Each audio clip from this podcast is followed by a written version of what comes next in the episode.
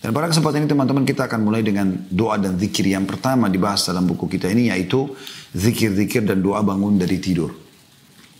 Yang pertama teman-teman sekalian dan ini yang paling dalam maknanya adalah hadis riwayat Bukhari disebutkan dan juga Imam Muslim Nabi SAW mengajarkan kepada para sahabat kalau bangun tidur membaca Alhamdulillahilladzi ahyana ba'da ma amatana wa ilaihin nusyur. Mungkin Anda sudah hafalin, tapi perhatikan maknanya. Alhamdulillah segala puji bagi Allah. Alladhi yang ahyana telah menghidupkan kami.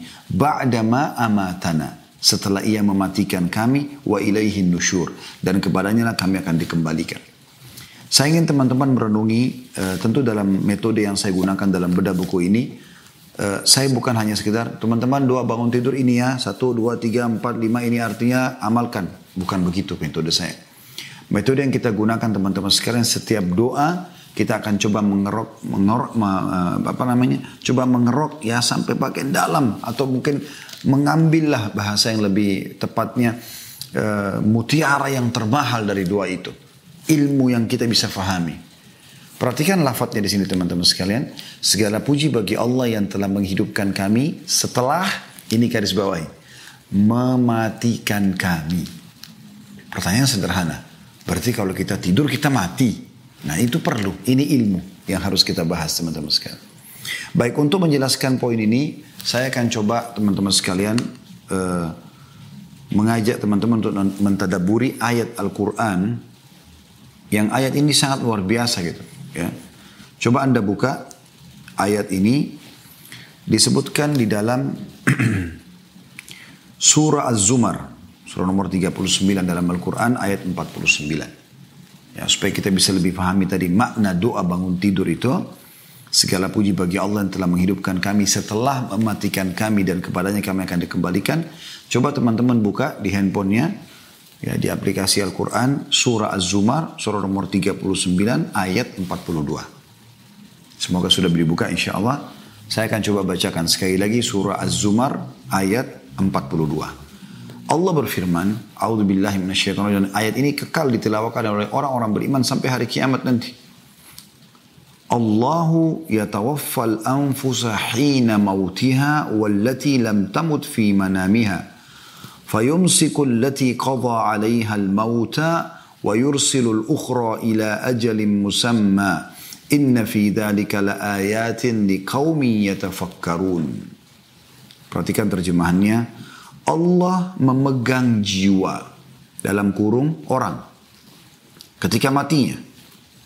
Jadi artinya ruhnya tidak dikembalikan lagi. Ditahan oleh Allah SWT, dicabut. Itu kalau orang mati umum kita sudah tahu mati nggak bisa hidup lagi gitu kan. Tapi di sini ada kalimat Allah SWT dan juga memegang jiwa atau orang yang belum mati di waktu tidurnya. Perhatikan di sini. Berarti ada urusan ruh juga ini. Seperti menghadapi proses kematian tapi tidak sebesar kematian yang tidak kembali lagi ruh. Makanya ada sebagian ulama mengatakan istilah dengan mati yang kubro dan sugro. Ya. Mati besar yang kita tidak bisa kembali lagi hidup ya, di dunia ini. Kecuali di hari kebangkitan nanti tentunya. Dan yang satu lagi tidak hanya pada saat, pada saat tidur. Ya, pada saat tidur. Jadi Allah mengatakan begitu. Lalu Allah mengatakan maka dia tahan jiwa orang yang telah dia tetapkan kematiannya dan dia melepaskan jiwa yang lain sampai waktu ditetapkan. Artinya pada saat orang tidur itu ruhnya keluar. Bagaimana prosesnya Allah alam. Jadi ada proses itu. Nah Allah mengatakan dalam surah Az-Zumar ini Allah kalau menahan jiwa itu, ruh itu, maka matilah orang tersebut. Karena tidak dikembalikan lagi. Atau Allah lepaskan, Allah kembalikan sampai tiba masa ajalnya. Nah, ini luar biasa ini berarti ada prosesi itu yang Anda alami setiap saat atau setiap hari di mana Anda tidur. Ya. Dan ini sebuah hal bukti nyata bahwasanya memang alam mati itu ada dan alam akhirat itu ada. Alam gaib itu ada. Allah memuji yang beriman pada semua ini dalam awal surah Al-Baqarah, alladzina yu'minuna bil ghaibi. Ya, yang beriman telah pada hal-hal yang gaib di antaranya seperti ini. Berarti kematian itu bukan mustahil. kalau terjadi dan sebagaimana kita mimpi begitu juga kita bisa alami setelah kita meninggal yang besar. Jadi nanti kita seperti orang yang oh ternyata saya cuma seperti mimpi di dunia itu melalui proses kehidupan ini sekarang ini kehidupan yang sebenarnya. Sesungguhnya pada demikian itu kata Allah terdapat tanda-tanda kekuasaan bagi kaum yang mau berfikir. Kata ulama di akhir ayat ini tanda kutip tantangan dari Allah agar manusia belajar dan coba menelusuri lebih jauh tentang masalah itu. Apa sih tidur itu sebenarnya? Dan saking luar biasanya manusia itu pada saat tidur seperti orang yang mati, diistilahkan mati kecil ya Sampai-sampai dalam sebuah hadis kata baginda Nabi SAW, Rufi al-qalamu an thalath. Diangkat pena catatan amal dari tiga orang. Ya. Ansabiyin hatta yahtalim, anak kecil sampai dia balik. Wa anin naimi hatta yastaikil. Dari orang tidur sampai dia bangun. Wa anil majnuni hatta yafid. Dan dari orang gila sampai dia sembuh atau sadar. Perhatikan orang tidur tidak dicatat pena amal. Jadi misalnya ada orang tidur tidak sengaja dia membunuh, menusuk, memukul orang di sebelahnya atau apalah dia lakukan kegiatan apa pun tidak ada dosa baginya. Kalau betul-betul dia tidur ya di sini kita bicara. Maka itu luar biasa. Ibnu Kathir rahimahullah seorang ahli tafsir. Coba menafsirkan dan menjelaskan surah Az-Zumar ayat 42 tadi. Kata beliau, Allah yang mengatur segala sesuatu sekehendak sekehendaknya Allah mematikan manusia dengan wafat kubro dengan melepaskan nyawanya dari badan. Itu kalau mati yang besar ya yang tidak kembali lagi. Allah juga mematikan manusia sementara dengan wafat sugro ketika tidur dan itu Allah kuatkan di dalam firman-Nya yang lain di dalam surah Al-An'am Ya, surah nomor 6 dalam Al-Quran ayat 60 sampai 61. Saya ajak teman-teman kembali membuka lagi. Ya, kita coba tadaburi ayat ini. Surah Al-An'am, surah nomor 6 ayat 60 sampai 61. Perhatikan Allah berfirman. أعوذ بالله من الشيطان الرجيم. وهو الذي يتوفاكم بالليل ويعلم ما جرحتم بالنهار ثم يبعثكم فيه ليقضى ليقضى أجل مسمى. ثم إليه مرجعكم ثم ينبئكم بما كنتم تعملون. وهو القاهر فوق عباده ويرسل عليكم حفظة حتى إذا جاء أحدكم الموت توفته رسلنا وهم لا يفرطون. Ini ayat diangkat oleh Ibnu Kathir rahimahullah. Untuk lebih menjelaskan tadi makna Az-Zumar ayat 42. Perhatikan Al-An'am ayat 60 sampai 61. Saya baca terjemahannya. Allah berfirman, dan Allah lah yang telah mewafatkan kamu. Maknanya menidurkan kamu. Jadi Allah menggunakan juga bahasa wafat di sini ya. Di malam hari, dan umumnya manusia tidur di malam hari ya. Allah juga gelapkan langit itu supaya manusia beristirahat. Dan dia mengetahui apa yang kamu kerjakan di siang hari. Ketika dia membangunkan kamu pada siang hari untuk disempurnakan umurmu yang telah ditentukan. Artinya kau hidup lagi itu untuk menghabiskan masa waktu yang sudah Allah tentukan. Lalu dia memberitahukan kepadamu apa yang kamu telah kerjakan atau kamu kerjakan. Dan dialah yang mempunyai kekuasaan tertinggi di atas semua hambanya. Allah qahir. Allah itu menguasai seluruh makhluknya. Dan diutusnya kepadamu malaikat-malaikat penjaga. Ya, yang menjaga manusia. Sehingga apabila datang kematian kepada salah seorang di antara kamu, ia diwafatkan oleh malaikat-malaikat kami dan malaikat-malaikat kami itu tidak melalaikan kewajibannya.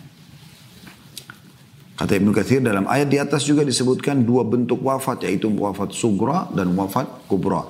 Meninggal yang tidak yang masih bisa hidup lagi yaitu orang yang tidur tadi dan juga orang yang bangun tidur ya apa orang yang meninggal kubro yang meninggal selamanya yang tidak kembali lagi di dunia ini. Dan ini diambil dari tafsir Ibnu Katsir tentunya tafsir Quran Al-Azim yang sudah masyhur ya yang memang uh, menjelaskan masalah itu. Terdapat juga teman-teman sekalian sebuah hadis yang mulia. Perhatikan hadis ini ya. Hadis ini hadis sahih riwayatkan Bukhari Muslim yang menguatkan juga tentang masalah apa yang kita bahas ya tentang doa bangun tidur ini. Yaitu dari Abu Hurairah radhiyallahu anhu beliau berkata qal qala Rasulullah sallallahu alaihi wasallam idza awa ahadukum ila firashihi فلينفض فراشه بداخلة إزاره Fa innahu la yadri ma khalafahu alaihi. Thumma yakul. Ini saya bagi dua hadis ini. Tentu hadisnya satu tapi saya bagi dua. Saya terjemahkan dulu ini. Kata Nabi SAW, bila salah seorang di antara kalian sudah menuju ke tempat tidurnya, dia akan tidur. Ya. Maka hendaklah ia mengibaskan dengan ujung sarungnya atau kainnya. Maksudnya dia bersihkan, dia kebas. ya Dia gerakkan selimutnya, dia tebah ranjangnya. Perintah Nabi SAW. Karena ia tidak tahu apa yang terjadi padanya. Kemudian ia seharusnya membaca. Nah ini potongan pertama hadis ya. Sebenarnya hadis ada satu hadis tapi saya bagi dua. Potongan pertamanya ini. Artinya Nabi SAW memerintahkan kita faidah dari hadis untuk segera ya pada saat mau tidur walaupun sudah rapi di ranjang kita tebah-tebah lagi. Ya, sebagian ulama hadis ada mengatakan dikhawatirkan jangan sampai ada binatang, serangga, kala jengking, ular, apa kita nggak tahu, gitu kan? Bisa saja ada terjadi situ. Maka itu ditebah dan dibersihkan sehingga kita tidur dalam kondisi aman. Nah, tapi potongan kedua yang jadi saksi bahasan kita masih satu hadis ya, yaitu Sabda Nabi SAW, Thumma yakul. Kemudian setelah dia membersihkan tadi menebar ranjangnya, mulailah dia baca. Bismika Rabbi wada'tu jambi. Dengan namamu ya Allah, aku meletakkan lambungku ini. Ya. Wabika arfa'uhu. Dan dengan namamu pula aku bangun nanti darinya. Dengan izinmu aku selamat bangun lagi. In amsakta nafsi farhamha. Ini saksi bahasan kita. Kalau kau menahan ruhku, ini pada saat aku tidur ruhku keluar nih. Kalau kau tahan ya Allah, kau tidak kembalikan lagi ke jasadku, maka rahmatilah dia. Kasihani dia. Jangan sampai dia disiksa. Karena ada dosa-dosanya gitu. Wa in arsaltaha, dan kalau kau masih melepaskannya, fahfadha bima tahfadhu bihi ibadaka salihin. Maka jagalah dia, peliharalah dia Kalaupun misalnya belum ditahan untuk mati yang besar, maka pada saat roh itu keluar melanglang buana ke sana sini, maka jagalah dia. Jaga dia. Sebagian ulama mengatakan jaga dari kejahatan syaitan dan kejelekan dunia. Sebagaimana engkau menjaga hamba-hambamu yang saleh. Ya. Hadis ini teman-teman sekalian memberikan gambaran kepada kita makna daripada hadis yang sedang kita bahas tadi. Yang pada saat kita mengatakan, Ya Allah segala puji bagimu yang telah menghidupkan kami, setelah mematikan kami, dan kepadamu lah kami dikembalikan. Apa tadi yang kita bahas itu menjelaskan makna daripada ini. Jadi ini mutiara yang sangat mahal teman-teman sedang kita ambil. Ya, jadi yang kita bisa ambil pelajaran daripada dua ini, bagaimana memang orang kalau tidur itu sebenarnya dia mati kecil. Dan tergantung izin Allah SWT. Kalau Allah sudah tahan ruhnya, maka dia akan ya, meninggal tidak akan kembali lagi ke dunia ini kecuali di hari kebangkitan nanti dengan izin Allah taala sebagaimana rukun iman kita yang kelima kita iman kepada hari kiamat atau hari kebangkitan. Atau Allah Subhanahu wa taala kembalikan sehingga dia masih bisa hidup dan menyelesaikan ajal atau waktu yang sudah Allah tentukan. Juga ada pelajaran penting dari doa yang saya tambahkan tadi hadis riwayat Bukhari Muslim kalau mau tidur yang pada saat kita tebah-tebah kasur kita segala macam dikatakan situ in amsaktaha farhamha kalau kau menahannya ya Allah dia mati ini kasihani dia Wa in arsalta fahfadha. Kalau kau melepaskannya maka jagalah dia. Kama tahfadhu bihi ibadaka salihin. Sebagaimana kau jaga ruh hamba-hambamu yang saleh. Artinya jangan sampai dia diganggu oleh syaitan. Jangan sampai dia melakukan hal-hal yang mungkin tidak diinginkan dari kejelekan-kejelekan dunia. Seperti itu maknanya. Dan ini sangat dalam teman-teman sekali. Ini potongan doa pertama yang diangkat oleh Syekh Sa'id bin Waf Al-Qahtani rahimahullah dari zikir bangun tidur. Ya, saya yakin Anda sudah hafal doa ini. Kalau belum, ini cuma setengah baris kalau saya. Alhamdulillah ladhi ahyana ba'da ma'amatana wa ilaihin nusyur. Yang kedua, adalah hadis yang diriwayatkan oleh Ibnu Majah dan ini disahihkan oleh Syekh Albani. Hadis ini teman-teman juga sangat mulia. Usahakan Anda amalkan. Terkaget tengah malam, Walaupun anda tidak sholat, tidak berdoa pun, maksudnya saya tidak khusus anda bangun untuk ibadah, ada terkaget saja pas mau tidur lagi pun usahakan jangan luput dari doa anda di sana anda doa ini. Yaitu tiga zikir yang digabung tentunya. Di mana Nabi SAW bersabda barang siapa yang terbangun di malam hari. Lalu mengucapkan ya Lafaz doanya sebentar saya akan sampaikan. Maka dia akan diampuni. Apabila dia berdoa, maka akan dikabulkan. Apabila dia berdiri dan berwudu, kemudian melaksanakan sholat, maka sholatnya diterima. Ini juga diriwayatkan Bukhari ya. Dan juga diriwayatkan oleh Ibnu Majah. Yaitu, kata Nabi SAW, siapa yang terkaget tengah malam. Kaget saja. Haus kah, kebelet kencing kah, terkaget. Panas kah, apalah aja. Kedinginan kah, Kemudian dia membaca. La ilaha illallah wahdahu la syarikalah. Tidak ada Tuhan yang berhak disembah kecuali Allah dan tidak ada sekutu bersamanya. Lahul mulku wa lahul ham. Miliknya lah kerajaan dan miliknya puji-pujian. Wa huwa ala kulli syai'in qadir. Dan dia mampu mengerjakan apa yang dia inginkan. Itu zikir pertama. Anda sudah hafal. La ilallah wahdahu la syarika lahul mulku wa lahul hamdu wa huwa ala kulli syai'in qadir. Ya kan? Zikir. Yang biasa juga dianjurkan baca zikir pagi 100 kali, zikir sore 100 kali kan zikir ini juga. Kemudian potongan zikir yang kedua, Subhanallah, walhamdulillah, wala ilaha illallah, wallahu akbar. Kan, itu juga bagian daripada doa. Subhanallah maha suci Allah, walhamdulillah, segala uh, puji bagi Allah, wala ilaha Allah tidak Tuhan yang berhak disembah kecuali Allah, Allahu akbar dan Allah maha besar. Ini juga zikir empat potongan kalimat, saya yakin tidak ada muslim yang tidak menghafalnya insya Allah ya. Subhanallah, alhamdulillah, wa la ilaha illallah, Allah akbar. Kemudian yang ketiga, wala hawla wala quwata illa billahil aliyil azim. Ini juga anda sudah hafal saya yakin. La hawla wala quwata illa billahil aliyil azim. Tidak ada daya dan kekuatan kecuali milik Allah yang maha tinggi dan maha agung. Jadi tiga zikir digabungin. Ini pada saat terkaget tengah malam ya. Kata Nabi SAW, siapa yang pada saat bangun tengah malam dia baca itu. La ilallah wahdahu la syarika la lahul mulku wa lahul wa huwa ala kulli syai'in qadir. Subhanallah, alhamdulillah, wa la ilaha illallah, Allah akbar, wa la hawla wa la quwata illa billahil aliyil azim. Dia tambah dengan satu potongan doa, Rabbi gifirli. Ya Allah ampunilah dosa-dosaku. Kata Nabi SAW, kalau dia baca ini, ini cuma terkaget ya dari tidur.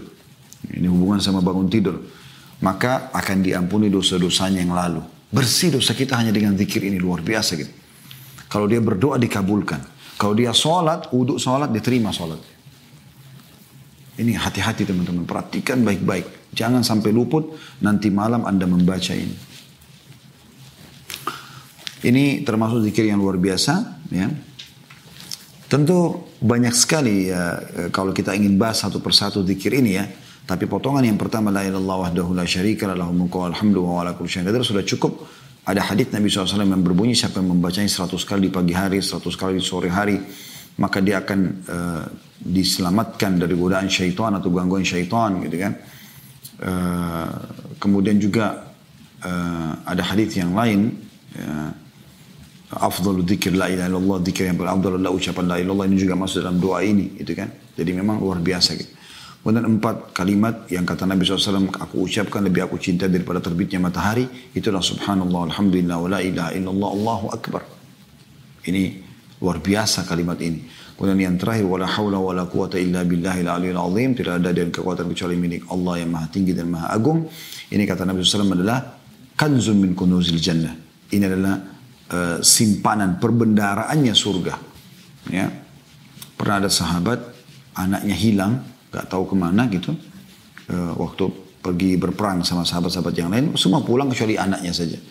Maka kedua orang tuanya datang kepada Nabi SAW. Lalu mengatakan, Ya Rasulullah, orang semua kembali kecuali anak kami. Ya. Kira-kira di mana dia? Kalau dia mati syahid, tidak ada masalah. Tapi kalau dia tidak, tidak jelas statusnya, kami juga kepikiran. Maka kata Nabi SAW, pulanglah dan amalkan la haula wa la quwata illa billahil aliyil azim. Maka suami istri ini pulang. Sepanjang malam dari mulai menyampaikan masalah kepada Nabi SAW sampai mereka tertidur kena ngantuknya sampai pertengahan malam gitu kan. Tidak lama kemudian ayah sang ayah terkaget bangun karena mendengar ada orang ketuk pintu di tengah malam. Begitu dibuka ditemukan anaknya. Lalu kata ayah, bagaimana ceritamu nak? Kata anaknya, saya ditawan oleh musuh. Saya ditawan oleh musuh. Dan saya beberapa saat yang lalu tiba-tiba merasa rantai-rantai atau ikatan musuh ini menjadi renggang. Kemudian saya bisa melarikan diri dan saya pulang sekarang. Dan itulah pada saat atau di saat-saat bagaimana dia atau kedua orang tuanya sedang membaca la haula wala quwata illa billahil aliyil azim. Ini luar biasa. Gitu kan. Zikir yang ketiga yang diangkat oleh beliau adalah hadis yang diriwayatkan Tirmidzi dan ini juga disahihkan oleh Syekh Albani Yang bunyinya Alhamdulillahilladzi afani fi jasadi. Artinya segala puji bagi Allah yang telah menyelamatkan atau memberikan keselamatan pada jasadku. Waradda alayya ruhi dan mengembalikan ruhku padaku. Wa adhina li bidhikri dan mengizinkanku untuk berzikir atau mengingat dan menyebutnya. Menyebut Allah subhanahu wa ta'ala. Ini juga teman-teman mirip dengan tadi. Ya. Hal yang luar biasa di sini. Ya ini bersinggungan satu sama yang lain. Kembali lagi ke bahasan tadi masalah maut sugra atau kematian yang kecil ya. Pada saat kita sedang tidur. Yaitu kalau kita bagi tiga doa ini. Alhamdulillahilladzi afani fi jasadi. Segala puji bagi Allah yang telah menyelamatkan jasadku. Jadi pada saat kita bangun, tangan kita tidak luka, muka kita tidak luka. Kita kan kalau tidur nggak sadar. Gitu kan? Nggak sadar. Sampai ada hadis yang lain kata Nabi SAW kalau kalian bangun tidur cucilah tangan. Ya. Karena seseorang dari kalian tidak tahu tangannya dia letakkan di mana pada malam hari. Ada pernah orang mengolok-olok sabda Nabi SAW ini mengatakan, memang kenapa sih? Kan tangan saya saya letakkan di sebelah saya gitu. Tiba-tiba dia terbangun, dia nukil kisah dari para salafus salih ya. Dia bangun ternyata maaf eh, jari-jarinya atau tangannya berada di lubang buburnya. Maka Nabi SAW menyampaikan dengan hikmah ilahi. Kita ini sebagai seorang muslim sudah dimanjakan oleh Allah SWT. Diajarkan cara walaupun kita belum tahu gitu apa yang akan terjadi. Subhanallah. Ya. Jadi kita bersyukur kepada Allah SWT karena kita bangun jasad kita sempurna. Alhamdulillahilladzi afani fi jasadi. Kemudian potongan kedua ini yang saksi bahasan kita tadi ya. Waradda aliyya ruhi. Artinya segala puji juga bagi Allah yang telah mengembalikan ruhku. Mengembalikan ruhku. Jadi ruhnya dikembalikan. Jadi ini hal yang luar biasa gitu. Berarti memang ada prosesi tadi ruh itu keluar. Ya. Tentu kita tidak terlalu jabarkan panjang lebar ini. Ya pada saat dia ketemu sama orang, apakah itu berarti ruhnya ketemu sama orang itu, Allah alam. Kami tidak tahu soal itu. Tapi yang kita imani adalah secara terlihat bagaimana ruh itu keluar. Dan Allah tadi sudah menggunakan kalimat wafat juga bagi orang yang tidur. Kalau Allah masih izinkan ruhnya kembali, maka hidup dari dia sampai ajal yang sudah Allah tentukan. Ya. Kemudian potongan yang ketiga, wa adina li bizikri dan mengizinkan aku untuk berzikir kepada Dan ini luar biasa teman-teman sekalian. Ya. Kata Ali radhiyallahu anhu, Allah tidak akan mungkin memudahkan lisan seseorang hamba untuk beristighfar kepadanya atau berzikir Ya, kemudian Allah ingin menyiksanya. Artinya luar biasa kalau Allah mudahkan teman-teman. Kayak misalnya Anda mau luangkan waktu di sore hari ini untuk mendengarkan taklim saja misalnya. Itu berarti Allah inginkan kebaikan buat Anda. Bukan cuma Anda, saya pun. Saya duduk di sini pun saya mengisi menyampaikan itu juga manfaat buat saya. Ada pahalanya insya Allah semoga Allah ikhlaskan kita. Bapak Ibu juga ikuti acara kita begitu ya. Kita dapat ilmu ya. Ini luar biasa. Allah inginkan kebaikan buat kita sebenarnya supaya kita amalkan ini. Hanya dengan mengamalkan ini dapat pahala karena itu adalah doa dan zikir diajarkan oleh Nabi SAW. Kemudian juga kita mendapatkan manfaat-manfaat dari apa yang kita minta tadi. Jasad kita selamat, ya kemudian kita dimudahkan berzikir, kemudian tadi kalau kita berdoa di diampuni dosa-dosa kita kalau kita berzikir tadi juga kemudian diterima doa kita kalau kita sholat diterima sholat kita. Yang terakhir teman-teman sekalian dari zikir yang diangkat oleh beliau ini eh, bagi yang belum hafal memang cukup panjang sedikit adalah membaca uh, ayat Al-Quran. Tepatnya surah Al-Imran. 10 ayat terakhir ya. Al-Imran surah nomor 3 dalam Al-Quran. Itu 200 ayat tepatnya. Jadi mulai dari ayat 190 sampai ayat 200. Ini dianjurkan untuk dibaca. Ini saya ajak lagi teman-teman untuk membuka uh, aplikasi Al-Quran. Kemudian coba kita baca. Dan ini kalau teman-teman belum hafal dan Allah SWT mudahkan Anda mengingat, cobalah buka aplikasi Al-Quran di handphone kalau pas bangun tidur ya. Baca 10 ayat ini rutin kan nanti insya Allah lama-lama Anda akan hafal. Dan di sini ada pesan-pesan ilahi. Kita pada saat bangun disuruh merenungi langsung ini. Jadi bukan pikirannya langsung ke bisnis, pikirannya langsung ke biologis, pikirannya langsung ke sarapan pagi, apalah mandi. Bagaimana dia berusaha untuk bertadabur, merenungi ayat-ayat Al-Quran. Saya akan bacakan. Silakan buka surah Al-Imran. Surah nomor 3 ayat 190 sampai ayat 200. A'udzu billahi minasyaitonir rajim. Inna fi khalqis samawati wal ardi wa ikhtilafil laili wan nahari. Sesungguhnya pada penciptaan langit dan bumi, juga pergantian atau silih bergantinya malam dan siang, terdapat tanda-tanda yang sangat besar terhadap kekuasaan Allah atau keberadaan Allah bagi orang-orang yang berakal. Ya kenapa tidak teman-teman sekalian? Langit tiba-tiba berdiri tanpa tiang, Pergantian siang malam, awan yang berjalan di atas kepala kita, turunnya air hujan, burung-burung yang berterbangan, bintang-bintang yang gemerlapan. Semua tidak menunjukkan tentang keberadaan sang pencipta. Kalau orang masih mengatakan seperti ateis dan komunis, oh tidak, tidak menunjukkan ciptaan, aneh betul. Lalu itu dari mana datangnya? Anda sendiri dari mana? Sampai Allah mengatakan, wa fi anfusikum. Di diri kalian sendiri, tidakkah kalian lihat itu? Allah begitu kita bangun, disuruh langsung menyadari itu. Supaya ini bekal pertama kita melalui kehidupan kita dalam hari itu. Selama kita belum meninggal. Inna fi khalqis samawati wal ard. Sungguhnya pada penciptaan langit dan bumi. Semua yang ada di dalamnya juga. Di atasnya, di dalamnya, semuanya. Waktilafil laili wan nahar. Pergantian malam. Yang tadi malam kau tidur gelap. Sekarang kau bangun, datang siang. Pergantian siang dan malam. La ayat. Terdapat tanda-tanda yang banyak. Allah gunakan jamak, bukan la ayat la ayat tanda-tanda gitu kan di kaum di, di, di ulil albab di, la ayatin di ulil albab untuk orang-orang yang berakal. Siapa yang Allah maksudkan dengan orang-orang yang berakal di sini? Allah sebutkan di ayat 191-nya. Tadi 190 ya. Sekarang 191. الذين يذكرون الله قياما وقعودا وعلى جنوبهم ويتفكرون في خلق السماوات والأرض ربنا Rabbana ma khalaqta hadha batilan subhanaka fakina adzaban nar. Yaitu orang-orang yang berakal tadi ya, yang selalu mengingat Allah dalam keadaan mereka berdiri, mereka duduk, mereka tidur. Selalu berzikir. Selalu mengingat Allah Subhanahu wa taala.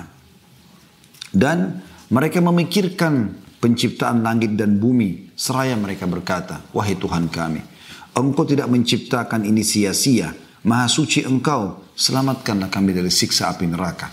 Perhatikan kandungan makna ayat ini dalam sekali teman-teman. Bangun tidur kita disuruh baca ini. Dan Anda tentunya yang tidak ngerti bahasa Arab, Anda harusnya membaca terjemahannya juga. Jadi tahu, makanya kita bacakan terjemahannya sekarang. Ya. Lanjut lagi ayat 192-nya. Jadi ini sekaligus berdoa sebenarnya. Rabbana, wahai Tuhan kami, innaka man tudkhilin nara faqad akhzaita wa ma zalimina min ansar. Wahai Tuhan kami, Ya. Peliharalah kami dari siksa api neraka. Ya Rob kami, sesungguhnya barang siapa yang kau selamat masukkan ke dalam neraka, maka sungguh engkau telah hinakan dia dan orang-orang zalim tidak memiliki seorang penolong pun. Ya.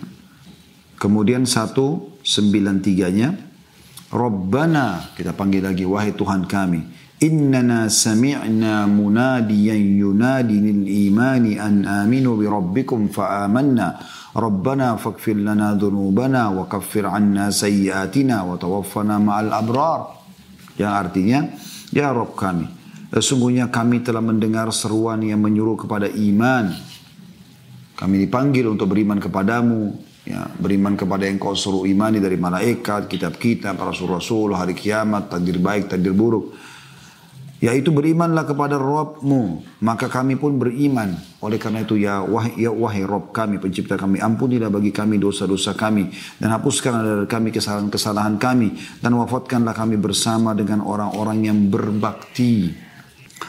194-nya Rabbana wa atina ma wa'attana ala rusulika wa la tukhzina yaumal qiyamah innaka la tukhliful mi'ad Wahai Rob kami, berilah kami apa yang telah engkau janjikan kepada kami melalui Rasul-Rasulmu, pahala-pahala, surga. Dan janganlah engkau hinakan kami di hari kiamat. Ya, karena ada pelanggaran-pelanggaran hanya Allah hinakan masuk neraka. Sesungguhnya engkau tidak pernah menyalahi janji. Ya, Inna la tukhliful mi'ad. 195-nya. فاستجاب لهم ربهم أني لا أضيع عمل عامل منكم من ذكر أو أنثى بعضكم من بعد فالذين هاجروا وأخرجوا من ديارهم وأوذوا في سبيلي وقاتلوا وقتلوا لأكفرن عنهم سيئاتهم ولأدخلنهم ولأدخلنهم جنات تجري من تحت الأنهار تجري من تحت الأنهار ثوابا من عند الله والله عنده حسن الثواب maka Rob mereka memperkenankan permohonan mereka. Jadi kata ulama, siapa yang baca ini Allah terima ijabah doanya. Minta diampuni dosa, minta diselamatkan dari api neraka. Ya.